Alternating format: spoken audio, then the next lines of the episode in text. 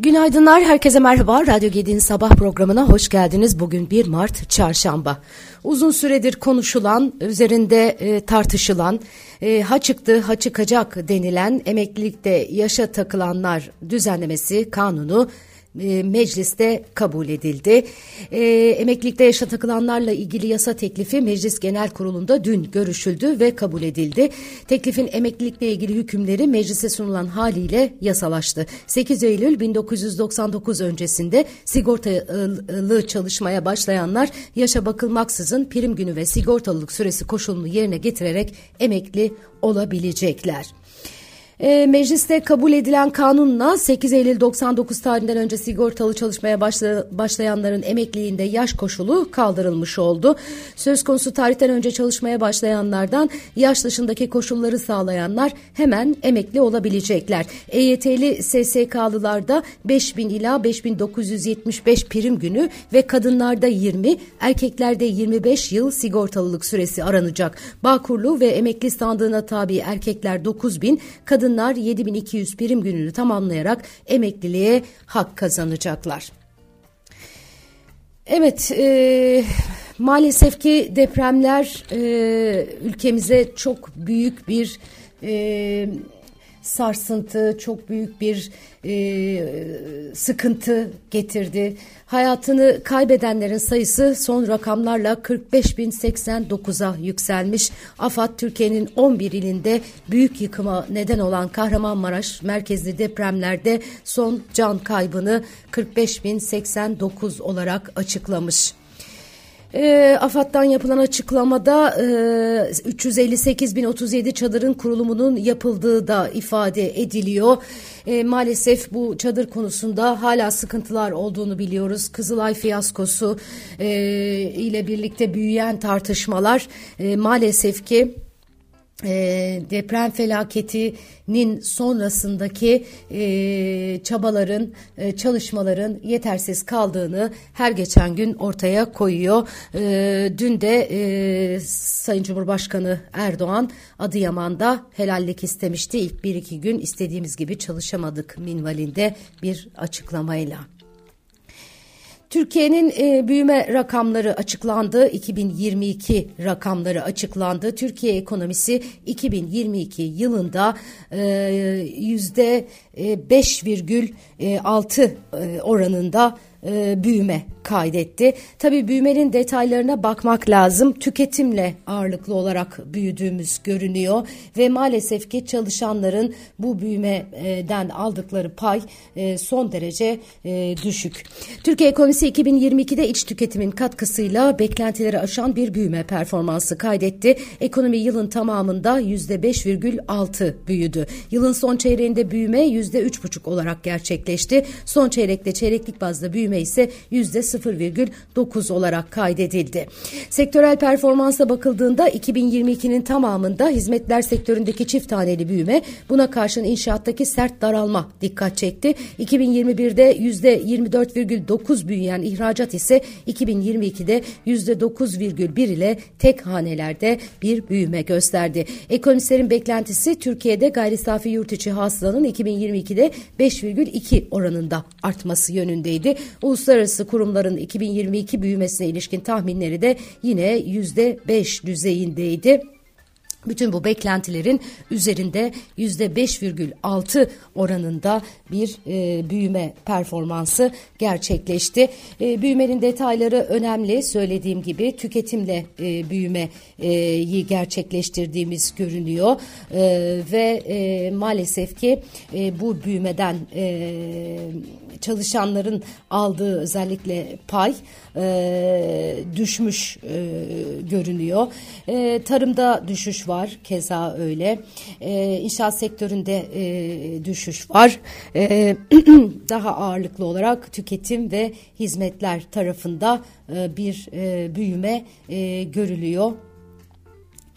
Ee, başka neler var? Şöyle bir bakıyorum büyümenin detaylarında e, grafiklere e, baktığımızda e, e, ekonomi ilk çeyrekte yüzde yedi buçuk, ikinci çeyrekte yüzde yedi, yedi virgül yedi büyüme göstermiş. Ardından üçüncü çeyrekte büyüme yüzde üç virgül dokuza yavaşlamıştı 2022 yılında. Son çeyrekte de sıfır virgül dokuz düzeyinde e, bir büyüme olmuş. Bu dönemde Türk lirasındaki değer kaybı ve Rusya'nın Ukrayna'ya saldırısı gündemdeydi deniyor. Enerji piyasasındaki fiyat artışlarının da etkisiyle enflasyon yüzde seksen beşin üzerine çıktı. Ekonomi yönetimi bu dönemde cari fazla odaklı kredi ve büyüme politikalarını öne çıkarmış idi. Bütün bunların sonucunda böyle e, e, e tartışmalı e, baktığınız zaman e, bir e, büyüme e, rakamı e, karşımıza çıkmış durumda.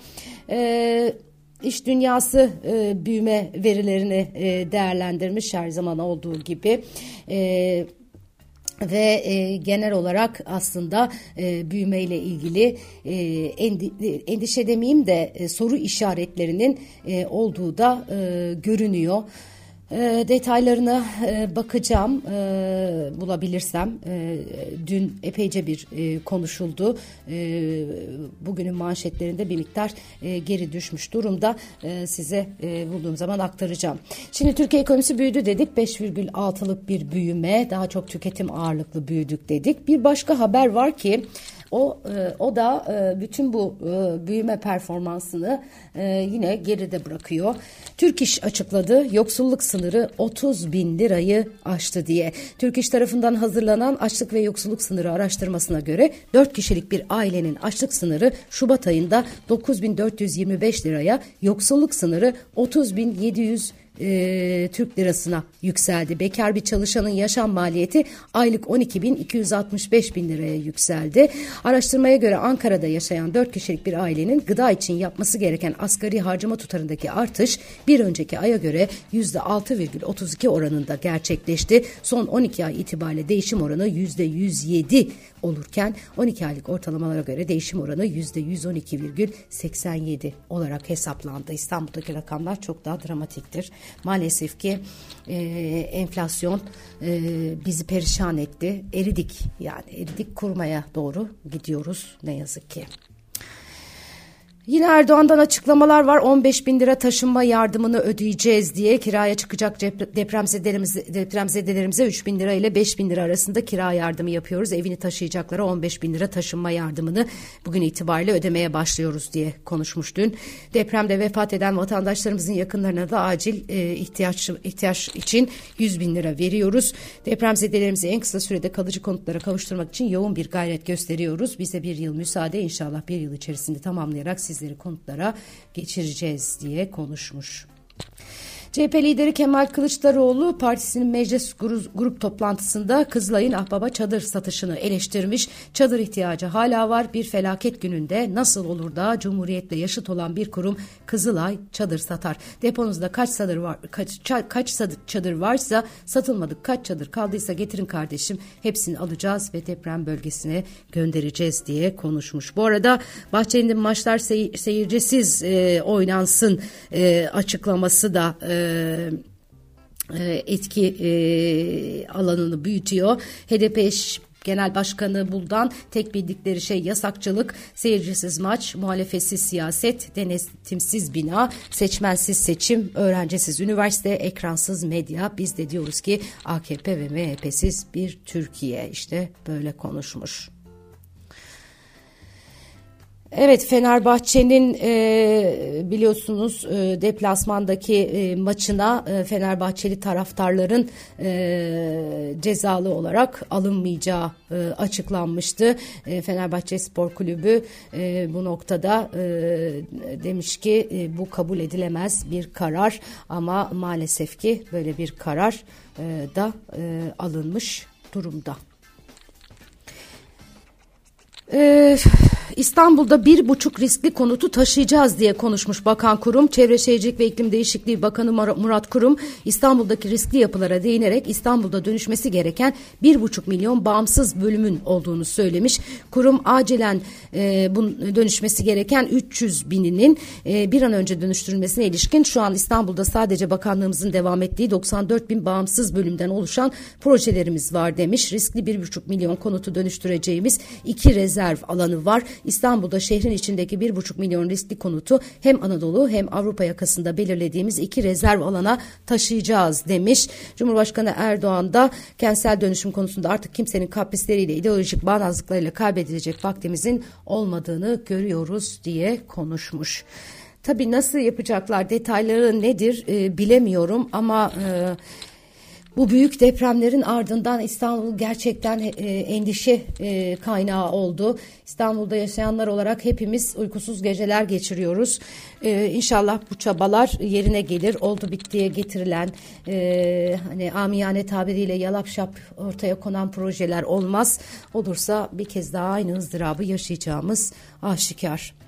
Merkez Bankası bankalara yeni bir e, kur korumalı mevduat uyarısında bulunmuş. Ee, hazine karşı taraflı TL kur korumalı mevduatları vadesi geldiğinde dövize dönüp ertesi gün meclis e, e, meclis diyorum pardon Merkez Bankası karşı taraflı dövize dayalı kur korumalı mevduata dönüştüren bankaları sözlü olarak uyarmış. İşlemlerin günlük spot döviz talebini arttırdığı devamı halinde bu yolla sayı bu yolla yapılan işlemlerin TL dönüşüm payına sayılmayacağı belirtilmiş. Bazı bankalar %11,5'a inen ve maliyet avantajı yaratan TL KKM'yi düz vadeli mevduata dönüştürdüğünde ödeyeceği yüzde otuz faiz yerine yüzde yirmilerde faizle döviz KKM'ye yönlendirmeyi tercih ediyordu. Bankalar böylelikle yüzde on üçlere düşmek zorunda kalan kredi faizine rağmen %22'lerde olan kaynak maliyetlerinin daha da yükselmesini engellemeye çalışıyordu. Şimdi Merkez Bankası demiş ki öyle olmaz.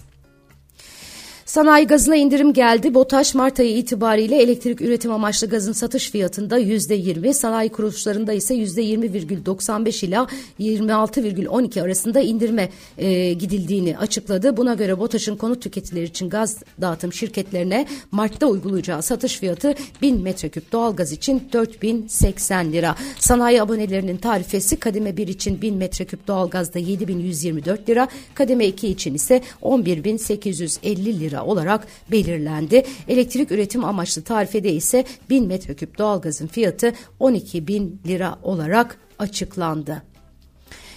E, Çapa ve Cerrahpaşa Tıp Fakültelerinin binalarıyla ilgili e, gelişmeleri takip ediyor musunuz bilmiyorum ama bu iki e, kıymetli üniversitemizin de binaları çok sıkıntılı. Sağlık Bakanı Fahrettin Koca ülke çapındaki sağlık tesislerinin depreme mukavemeti konusunda çalışmalarını sürdüğünü bu kapsamda İstanbul Kağıthane Devlet Hastanesi'nin Seyrantepe Şişli Hamidiye Etfal Eğitim ve Araştırma Hastanesi'ne taşınarak hizmete devam edeceğini bildirmiş. İstanbul'da deprem çalışmaları kapsamında kapatılan İstanbul Cerrahpaşa Tıp Fakültesi'nin taşınacağı yerde önceki gün belli olmuştu. Cerrahpaşa'da çelik konstrüksiyonla güçlendirme yapılan çocuk ve acil binaları dışında kalan bölümler Yeşilköy Atatürk Havalimanı'na taşınıyor. Deprem soruşturmalarında tutuklu sayısı 203'e yükselmiş. E, deprem e, soruşturmaları demişken e, dün maalesef çok üzücü bir e, haber e, daha karşımıza çıktı. E, Profesör Doktor e, e, Övün Ahmet Ercan gözaltına alındı. Evet e, yani du, insan duyduğunda kulaklarına inanamıyor. Bir tweet atmış o tweet'i nedeniyle gözaltına alınmış. Hakikaten çok üzücü bir bilim insanı e, toplum için e, çabalayan e, bunun için uğraşan bir kişi. E, hele ki bu dönemde e, her e, anlamda e, kıymetli ama e, attığı tweet nedeniyle gözaltına alındığını da okuyoruz. E, dün de duyduk e, maalesef ki. Evet, e, EYT mecliste kabul edildi. Türkiye ekonomisi 2022 yılında %5,6 büyüdü. Yoksulluk sınırı Türk İş'e göre, Türk İş'in hesaplarına göre 4 kişilik bir aile için 30 bin lirayı aştı ve deprem bilimci Profesör Övgün Ahmet Ercan gözaltına alındı. Bugünün notları böyle. Güzel bir gün diliyorum. Yarın sabah görüşürüz. Hoşçakalın.